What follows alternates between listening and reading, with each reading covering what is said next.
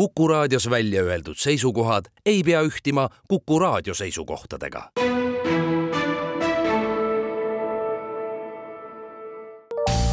terviseks. saade valmib koostöös Ida-Tallinna Keskhaiglaga. vaata ka itk.ee tere, head Kuku kuulajad, eetris on saade Terviseks ja me räägime täna eestlaste kõrvade tervisest ja kuulmisest. mina olen Ingela Virkus ja koos minuga on stuudios Ida-Tallinna Keskhaigla kõrva, nina ja kurguhaiguste arst doktor Maret Kaartner, tere! tervist! kolmandal märtsil tähistatakse rahvusvahelist kõrva ja kuulmise päeva, kuidas on lood meie, eestlaste kõrvade tervisega?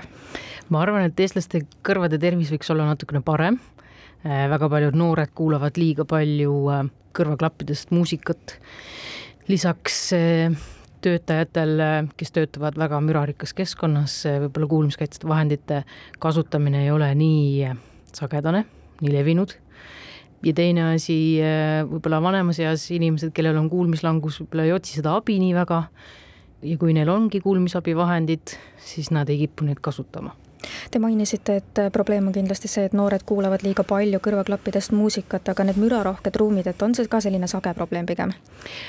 väga palju müra on näiteks juba kinosaalides, kus helivaljus ületab ähm, sellise taseme, äh, mis on kõrvadele siis ohutu. Aga sellel ei ole nagu mitte mingisugust regulatsiooni otseselt, loomulikult igasugused kontserdid, eriti kui see ruumi akustika on kehvem, et see müratase on jah, ikkagi liiga ohtlik ma hakkasingi mõtlema, et kas üldse kuidagi peetakse nõu näiteks kõrvaarstidega või kellegagi, kes oskaks nagu öelda, et et siitmaalt läheb nüüd piir väga valjuks, et tegelikult noh, te ütlete, et regulatsioone ei ole otseselt, aga mm -hmm. siiski, et kas sellist nõu nagu peetakse? Otseselt eh, mitte.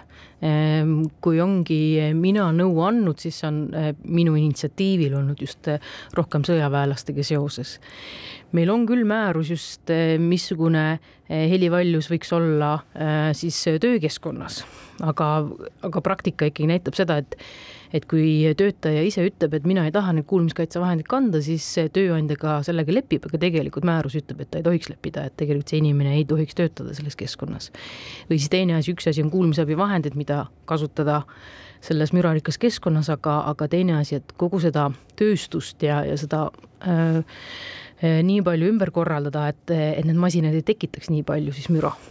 mis need soovitused üldiselt on, oskate te öelda, et näiteks eh, ma ei tea, kas ma saan küsida et eh, kui valjult näiteks siis muusikat võiks kuulata või, või kas tasub kontserdil minna kohe sinna lava ette, kus need kõlarid kohe kõrva pauguvad, et äh.... see sõltub väga palju, mis on see helivaljus siis ehk heliintensiivsus detsibellides kui helivaljus on kuskil kaheksakümmend detsibelli, kaheksakümmend viis, et noh, siis üldjoontes ta on enamikele inimestele ohutu, aga seal on ka väga suured individuaalsed eripärad.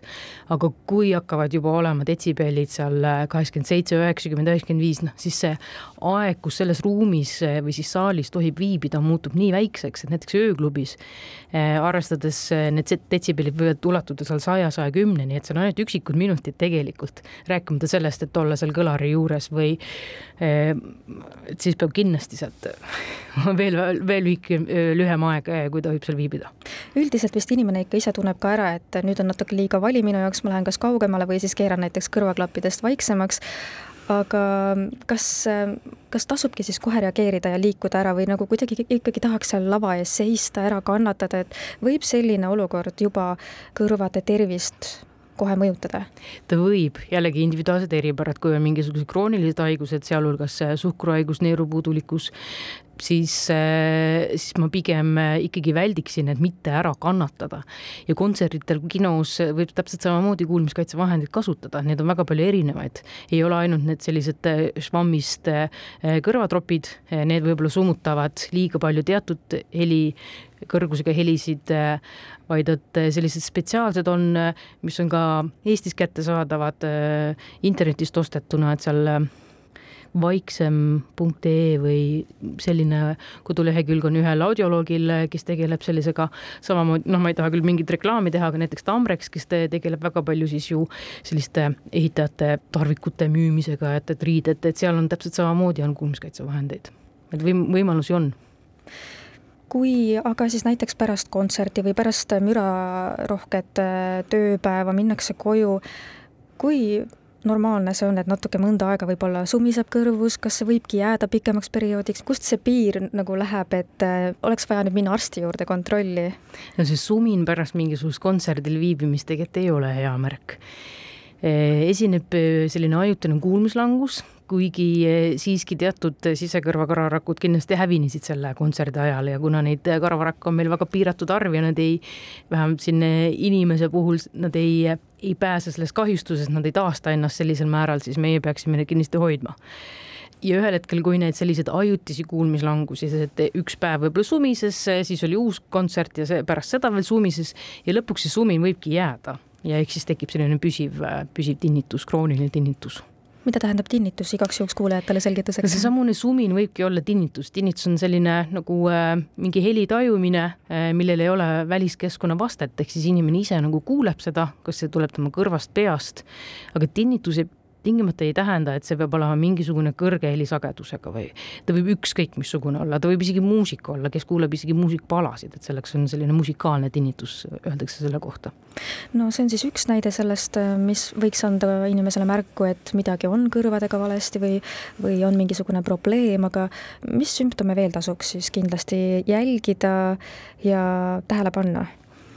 Äh, teine sümptom, millest nii palju ei räägita, on siis ülitundlikkus helide suhtes, et samamoodi nii nagu tinnitus tekib väga tihti kuulmislanguse puhul, siis tekib ka ülitundlikkus helide suhtes ehk siis hüperakuusia.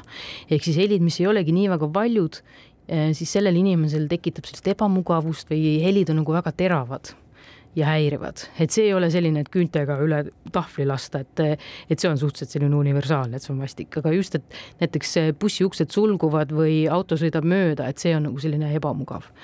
ja kuulmishäire ei ole ka selline, et, et ma kuulen kõike versus siis ma ei kuule mitte midagi, et seal on nii palju vahepealset asja. et osad häälikud ei ole nii hästi kuuldavad, et palju rohkem peab pingutama, et aru saada, mis on öeldud, eriti kui võib-olla räägitakse seltskonnas, kui selles ruumis on natukene müra. Äh, ja väga tihti öeldaksegi, et noh, et ma saan aru, et minuga räägitakse, ma ei saa aru, millest räägitakse, et noh, et, et see kõneselgus kaob ära kuulmise languse puhul kas see, kui tundlik näiteks keegi helidele on, sõltub ka millestki, mingitest teguritest, et kui näiteks inimene töötabki igapäevaselt kohas, kus on väga mürarohke, et siis ta kindlasti ju harjub, tema kuulmine võib-olla ka siis just hoopiski muutubki tundlikumaks või vastupidi, või lihtsalt, et ta kuidagi harjub sellega ja teda ei häiri see? vot sellel teemal tehakse praegu teadusuuringud, et kas on see nagu toughening of the ear, et me nagu muudame selle kõrva nagu selliseks just tugevamaks, et ta siis ta harjub ära nende valjemate helidega või siis vastupidi, et tekib siis see ülitundlikkus, et, et seal ei ole jah veel kindlat vastust, et selles osas veel uuritakse. me jätkame oma vestlust juba homme kell neliteist nelikümmend viis. terviseks. saade valmib koostöös Ida-Tallinna Keskhaiglaga. vaata ka itk.ee